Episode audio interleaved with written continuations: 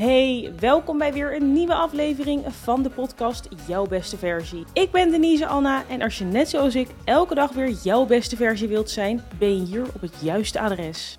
Wat leuk dat je deze nieuwe aflevering weer hebt aangeklikt. Ik hoop dat alles goed met je gaat. Met mij gaat alles heel erg goed. Ehm, ik ga morgen lekker op vakantie met een vriendinnetje van mij, Somaira. We gaan naar uh, Rodos en ik heb er heel erg veel zin in. En ik heb gewoon alles al helemaal af. Mijn koffer is ingepakt, mijn trolley is ingepakt. Alles is helemaal goed ingecheckt en gereserveerd van tevoren. Als in restaurantjes, uh, strandteentjes boottochtjes. Ik ben echt nog nooit zo ready geweest voor een vakantie. Echt zo'n fijn gevoel. Maar goed, dat is niet de reden waarom je deze podcast hebt aangeklikt. Ik ga het vandaag hebben over negatieve gedachten. En waarschijnlijk heb je zelf ook best wel vaak last van deze gedachten. En ik heb een paar tips voor je hoe je er het beste mee om kan gaan en hoe je ze ja, zoveel mogelijk kan verwijderen uit jouw gedachtegang. Um, even een kleine side note. Ik heb hier verder niet voor gestudeerd of wat dan ook. Het zijn puur mijn eigen ervaringen en mijn eigen tips die mij heel erg hebben geholpen. En ja, wie weet helpen ze jou ook wel. Dus um, we gaan lekker beginnen. Om te beginnen, schrijf eens een keer, niet nu, maar op een ander moment, um, een keer al jouw negatieve gedachten op. Dus schrijf ze echt op, onder elkaar op een lijstje. En gewoon alles wat er in je opkomt qua negatieve gedachten, dat zet je dus neer op papier. Nou, deze vraag die stelde ik mezelf drie jaar geleden ook. En nou, binnen no time was mijn lijstje echt heel vol. En ik kon zo hup tien dingen uit mijn mouw schudden die ik uh, ja, negatief vond aan mezelf, die ik niet leuk vond aan mezelf. En dit waren dingen als, um, je bent niet goed genoeg, oh, ik voel me zo dik, gadver, ik zie cellulitis, doe nou niet zo dom, uh, dit kan ik helemaal niet. Uh, nou, in ieder geval dit soort gedachten. Maar goed, als je dit dan even voor jezelf doet, schrijf het op een lijstje, op een briefje. En geef dit briefje dan um, aan een beste vriendin. Of aan je zus, zusje, moeder, tante, vader, moeder. Iemand gewoon die je lief hebt, geef dit lijstje aan diegene. En zeg van nou, hier heb je wat uh, punten voor jezelf waar je aan kan werken. Dan denk je toch, wow, ik kan niet over mijn hart verkrijgen om dit aan iemand te geven en om er tegen te zeggen van nou, dit zijn uh, punten wat ik van jou vind, doe er wat mee. Nee, want waarschijnlijk vind je het ook niet. En daarbij vind je het veel te onaardig om zoiets tegen iemand te zeggen, helemaal tegen iemand die je lief hebt. Dus, en wat ik hiermee wil zeggen is, waarom zeg je deze dingen dan wel tegen jezelf? I mean, jij en jezelf moeten het de rest van je leven met elkaar doen. Dus zorg er nou gewoon voor dat jij en jezelf je beste vrienden zijn. En het klinkt een beetje raar, maar ik zie mezelf echt als mijn beste vriendin. En Um, ik heb het ook al eens in YouTube-video's verteld. En dat ik wel eens tegen mezelf praat van, nou, we doen het echt fantastisch. Of wat zijn we lekker bezig. En you go girl. En gewoon allemaal van die dingen wat ik ook tegen mijn beste vriendin zou zeggen, zeg ik ook tegen mij. Want ik ben ook mijn beste vriendin. En um, ja, het klinkt heel erg drastisch, maar ik ben alleen op deze wereld gekomen. En ik ga er ook weer alleen vandoor. En de tijd die je op aarde hebt is relatief best wel kort. Dus maak het gewoon echt fucking gezellig met jezelf. En hou jezelf gewoon niet zo naar beneden, want dat doe je dus ook niet bij je beste vriendin of iemand anders die je lief hebt. Dus waarom wel tegen jezelf? Iets wat mij heel erg heeft geholpen is dat ik elke dag, als ik even in de spiegel kijk, en dat kijk ik elke dag, want ik maak mezelf op, ik doe mijn haar, ik kies kleding. Afijn, ik uh, zie mezelf elke dag wel even in de spiegel en ik praat elke dag wel eventjes tegen mezelf. Soms hardop, maar meestal in mijn hoofd. En ik um, zeg dan elke dag positieve dingen tegen mezelf. En dit heb ik ook echt moeten aanleren, want als je dat voor het eerst doet, denk je echt, oh my god, dit is zo awkward. En ja, ik voel het helemaal niet wat ik nu zeg, maar goed, ik zeg het maar, want het zal wel goed zijn. Maar hoe vaker je iets tegen jezelf zegt, hoe meer je erin gaat geloven. En nou, ik ben dus nu ongeveer drie jaar hiermee bezig. En ik zeg bijna elke dag tegen mezelf van, jeetje Dan, wat ga je lekker? Of wow, wat doe je het goed? Of jeetje, je er echt, je ziet er echt fantastisch uit. Of dingen als, ik ben echt geweldig. En over het algemeen is het natuurlijk hartstikke raar om over jezelf te zeggen dat je geweldig bent. Want je wordt dan heel snel gezien als arrogant en uit de hoogte. Maar dat is helemaal niet de manier waarop ik het bedoel. Um, je hoeft het ook verder niet tegen anderen te zeggen dat je jezelf geweldig vindt. Ja, het mag, maar het is een beetje, hè, hoe komt het over? Maar gewoon tegen jezelf zeggen, ik ben fantastisch ja, ik weet niet. Ik heb gewoon bij het woord fantastisch, dan gaat er een gevoel op in mijn lichaam. Of er gaat een gevoel aan waardoor er iets fantastisch ontstaat of zo. Ja, het is een beetje een heel vaag verhaal, maar deze woorden die zorgen ervoor dat je emotie onbewust wel verandert. En dat je er ook onbewust in gaat geloven. En, en als je dat begin van de dag doet, dan zet je een soort van de toon voor de rest van je dag. Dus mijn advies, ga gewoon vanaf nu, misschien als je deze podcast hebt geluisterd, kijk jezelf even aan in de spiegel En kijk ook eventjes voor sowieso één minuut ja, echt naar jezelf.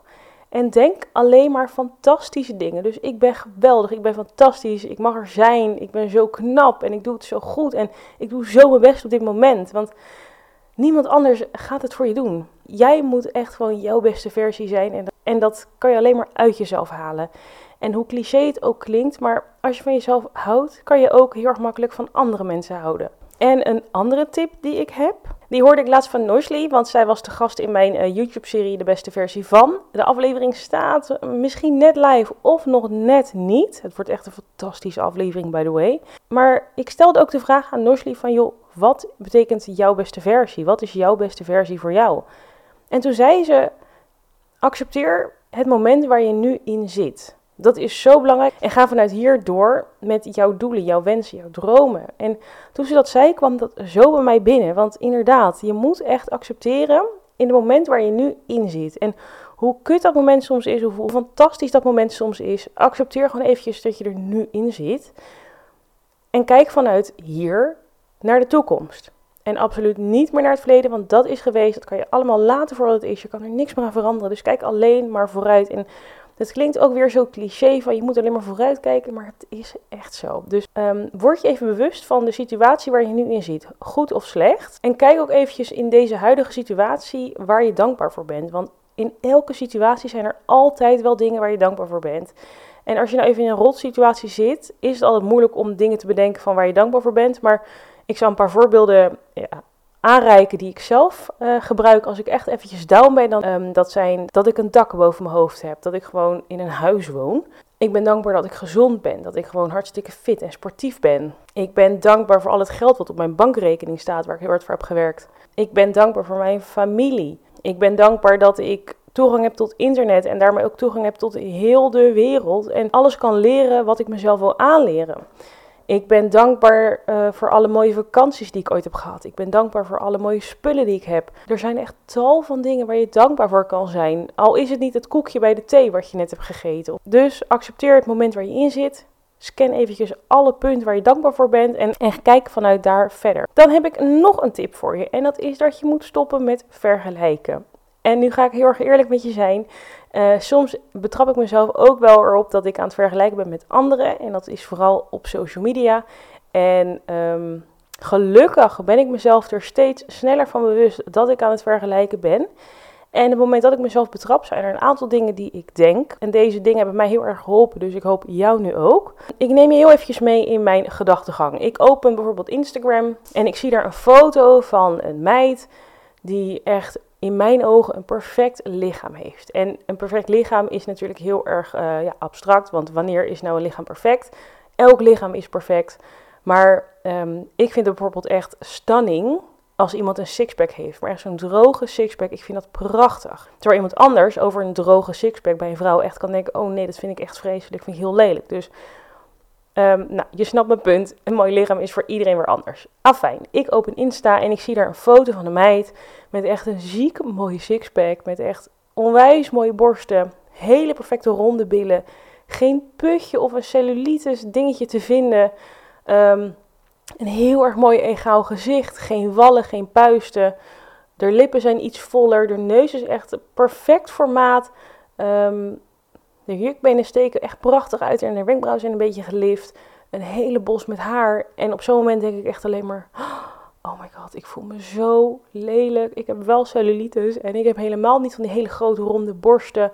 Ik heb wallen. Um, nou, noem maar op ik, weet niet, soms heb je gewoon zo'n moment. Op zo'n moment dan schrik ik een soort van wakker. Dat ik denk, wow, damn, even terug. Moment, je bent aan het vergelijken en dit is heel erg onterecht. En dat is onterecht om de volgende redenen. En begrijp me niet verkeerd, nu wil ik natuurlijk niet iedereen over één kam scheren. En dat heel veel Insta-meiden nep zijn.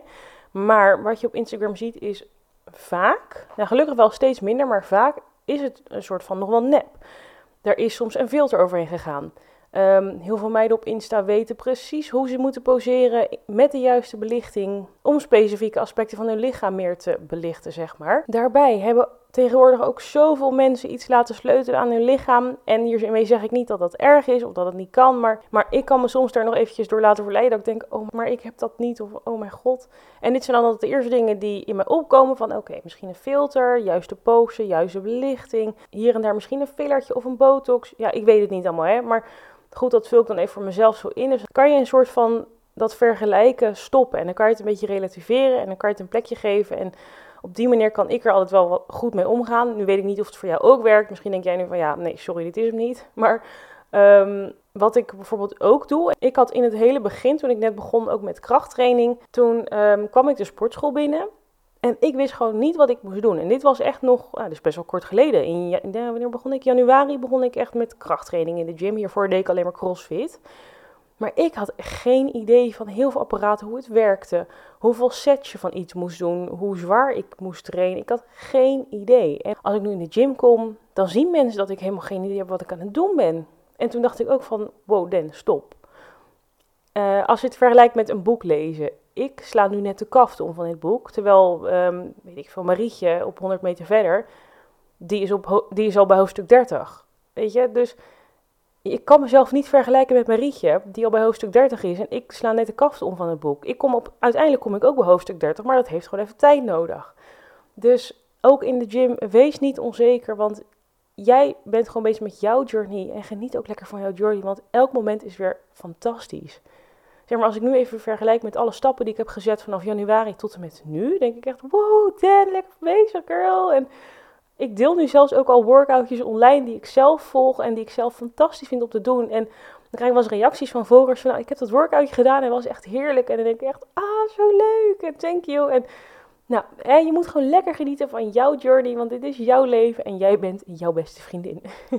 Een andere tip die ik voor je heb wanneer ik negatieve gedachten heb, en dit is meer onder het kopje negatieve gedachten, als je eventjes in een soort van sleur zit met jezelf, dat je even niet meer weet wat je nou wil in het leven, dat je een beetje down bent, een beetje depri. Ik denk dat we dit allemaal wel eens meemaken, een paar keer per jaar of één keer per jaar. Of, nou, ik denk dat je me wel snapt. Wat mij daar heel erg bij uh, heeft geholpen en nog steeds helpt, is dat ik mijn leven of mijn dag elke keer weer als een leeg canvas zie. En ik heb voor dit canvas alle soorten penselen in mijn hand, alle kleuren in mijn hand en alle regie. Dus ik mag helemaal bepalen hoe ik dit schilderij ga invullen, inkleuren. Misschien laat ik hem wel leeg, maar ik heb dus alle regie hierover. En zo is het ook met jouw leven. Jij hebt alle regie over jouw leven.